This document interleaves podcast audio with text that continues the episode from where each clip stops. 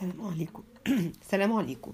معاكم صابرين مرسي founder of فريناس marketing services النهارده هنتكلم على selecting your target market. It's not everyone.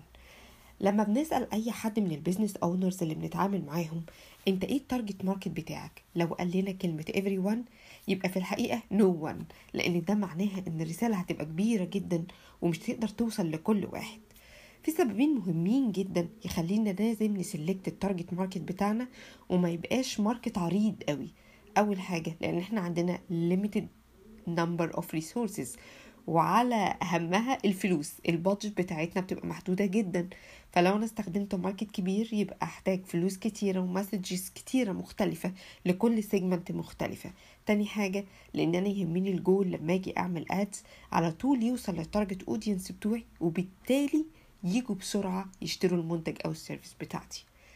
تيجي ناخد example لو افترضنا إن في مصور photographer عنده امكانية إنه يشتغل في أكتر من sectors مختلفين وليكن إنه يصور بورتريهات أو أفراح أو family photography أو fashion أو commercial ساعات في الشركات بيبقوا محتاجين فوتوغرافي أو في الجامعات بيبقوا محتاجين فوتوغرافي طيب تفتكروا بال scope الواسع دوت.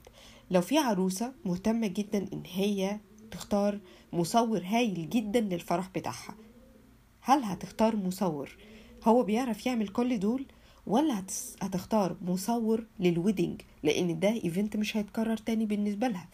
وبالتالي اختيارها للمصور بتاع ال wedding ده هيخليها ما تبصش لل price اللي هتدفعه له لأن هي شايفة ال experience بتاعته شايفة الشغل شايفة تعليق ال clients بتوعه شايفة كل الكلام ده كله فهتختاره وهتدفع كويس قوي وهي مطمنة.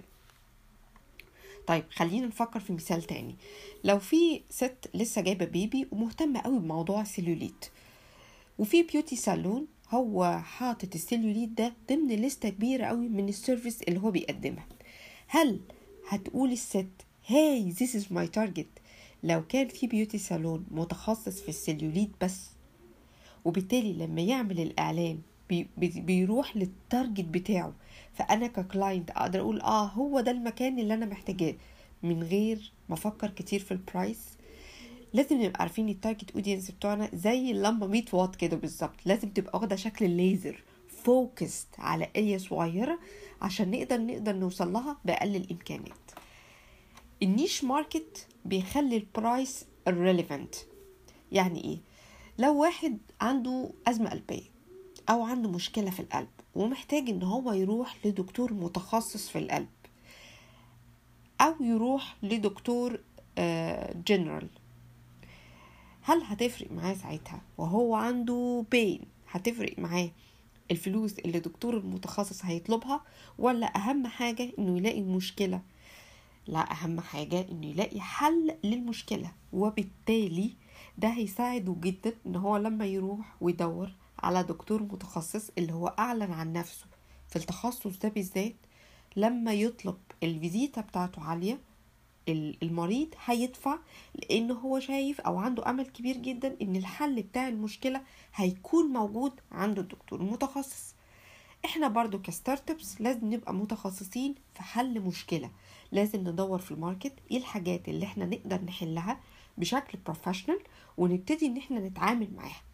طيب إزاي بقى نوصل ونعرف ال ideal customer بتاعنا؟ ده اللي هنعرفه المرة الجاية إن شاء الله. وشكرا ليكم المرة دي we are always ready to support your business باي باي